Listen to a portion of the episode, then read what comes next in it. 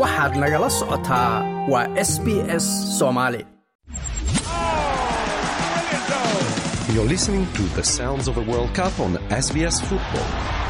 From the 21st of November, listen to every match of the FIFA World Cup Qatar 2022 right here on SBS Football. Visit sbs.com.au slash radio for more details. Waxaa weli garoomo kala gedisan oo ku yaalla dalka gadar si xiise badan le uga soconaya koobka kubadda cagta dunida ka kaasoo ay ka qaybgelayaan ilaa labayo soddon xul. Iminkana uu soo gaaray kulamadiisii isaragga saddexaad ee dhanka guruubyada xulal ka tirsan dalalkii ka qaybgelayay tartanka ayaa xaqiijiyey inay isaga hareen u soo gudbitaanka wareegga lix iyo tobanka halka xulal kalena ay xaqiijiyeen in ay geedka soo fuuleen oo wareegga lix iyo tobanka iskeeneen kulamadii ugu dambeeyey ee isaragga saddexaad ee guruubyada gruub e ayaa kulamadoodu ay soo dhammaadeen oo la ciyaaray dhammaanba mid saddexdii kulan afarta xul ee ku jirtay xulka kubadda cagta senegal ee ka socda qaaradda africa ayaa xaqiijiyey in ay soo tiigsadaan mar kale wareegga lix iyo tobanka markii kulankii ugu dambeeyey laba gooli halay kaga adkaadeen dhigeeda ecuador oo iyagu ku soo baxay barbardhac inay helaan. Xulka kubadda cagta senegal oo la xusuusto inuu ka maqan yahay islamarkaana aanu ciyaarin tartankan xidigay ku tashanayeen ee saadiya mane ayaa hadda si awooda waxuu kaga soo gudbay gruubka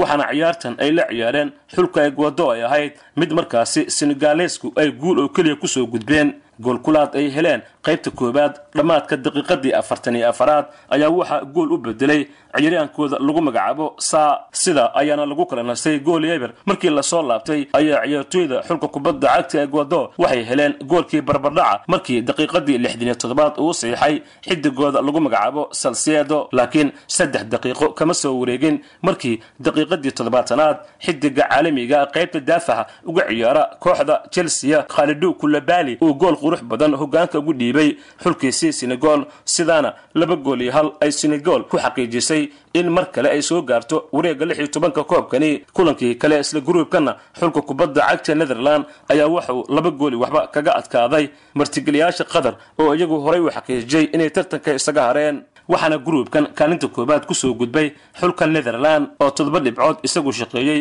saddexdii kulan ee uu ciyaaray. Senegal ayaa kaalinta labaad ku soo baxday iyagoo saddexdii ciyaarood ee ay ciyaareen lix dhibcood shaqeeyey kulamadii kale ee habeenkii xalay dhacay gruub b ayaa iyaguna ciyaarahoodii dhanka gruubyadu ay soo idlaadeen. Iiraan iyo u s a ayaa wada ciyaaray hal gooloo qura. Xulka kubadda cagta u s a ayaa ku xaqiijiyey inuu ku soo gudbay wareegga kale ee tartankani. Goolka qura u s a waxa uu dheliyey ciyaaryahanka lagu magacaabo bolisig isla gruubkaasina xulalka england iyo welis ayaa wada ciyaaray. Saddex gool iyo eber. Xulka welis ayaa lagu suuldaaray oo ingiriiska ayaa ku xaqiijiyey in kaalinta koowaad toddoba dhibcood uu ku soo gudbay. Halka u s a ay kaalinta labaad ku soo gudbeen lix dhibcood waxaana sidaasi wareegga lix iyo tobanka isugu beegmay u s a. Waxay la ciyaari doontaa xulka netherland halka senegal iyo england ay fooda isdari doonaan. Haddaba xulka senegal ayaa noqday xulkii ugu horeeyey ee qaaradda africa ee u soo gudba wareegga labaad ee lix iyo tobanka. Koobka kubadda cagta ee dunida maxamuud cabdulqaadir jamuuni waa suxufi falanqeeya.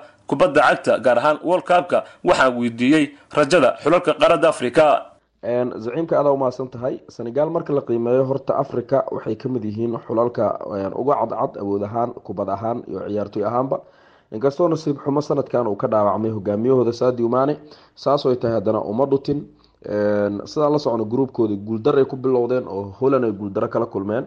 Laakiin ciyaar qurux badan oo soo kabasho leh ayay senegal sameysay labadii ciyaar ee ugu dambeysay oo guul qurxoon gaareen. Lixdaas dhibcood ay caawa ku joogaan wareega lix iyo tobanka ee tartanka koobka adduunka. Rajada cameroon iyo morocco oo iyana ka mid ah xulalka ka qeybgalaya africa ka socda si lamida ganaba cameroon rajo saa u weyn ma haystaan maadaama ay la ciyaarayaan hadda brazil. Sidoo kale switzerland hadda labaad fadhisa. Taasa u diideysa cameroon in ishe rajadooda koobka adduunka marka laga hadlayo ay soo bixi karaan. Morocco waa xul kale oo isna rajo ahaan la dhihi karo waa uu soo gudbi karaa. Niyad ahaan waxay u yeelanayaan guusha ay ka gaareen xulka qaranka wadanka belgium oo labii eberka ahayd hadday sii xoojiyaan way soo bixi karaan.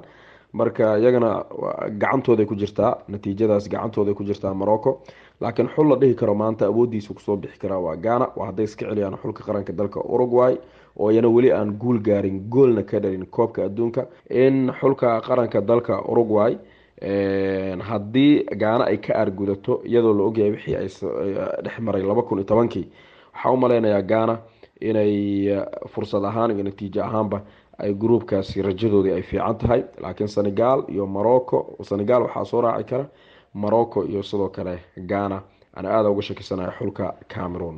Dhanka kale daya xaaji deg deg oo ka mid a suxufiyiinta sida weyn u daawada koobka kubadda cagta adduunka ayaan dhankiisa weydiiyey rajada xulalka qaaradda africa meelaha ugu dambeeya ee tartankan inay gaari karaan. Runtii koob adduunka sida loo maleynayo sanadkan ma noqonin oo runtii waddamada qaar waxay la soo baxeen awood aada u dheer. Markaan u soo laabto dhanka africa ani ahaan fikradeeda waxaan qabaa africa xitaa haddii lix iyo tobankii ay imaadeen god afka loo geliyey senegal ayaa runtii awood xawlia u sheegatay ecuador. Ciyaar laba iyo hal ay kaga badisay. Waxaa xiigi kara aniga aan is leeyahay xulka morocco oo runtii belgium taariikh ku dhigay guul fiicanna ka gaaray. Wuxuuna ku jiraa groupka f morocco runtii waxay leedahay afar dhibcood laba gool ayay leedahay afar dhibcood iyo laba gool waxayna ku aadan tahay canada oo runtii labada kulin oo dheelay belgium iyo croatia uu u baxay laga badiyey canada ayadana sidoo kale wax dhibcaa ma lahan afar gool ayadaa lagu leeyahay. Morocco keliya kulanka canada waxay u baahan tahay hal dhibcood ama in ay badiso. Tunisia oo kale ayadana runtii wax kasta way dhici karaan laakiin aniga uma maleynayo tunisia in ay badin doonto faransa ka badin doonto.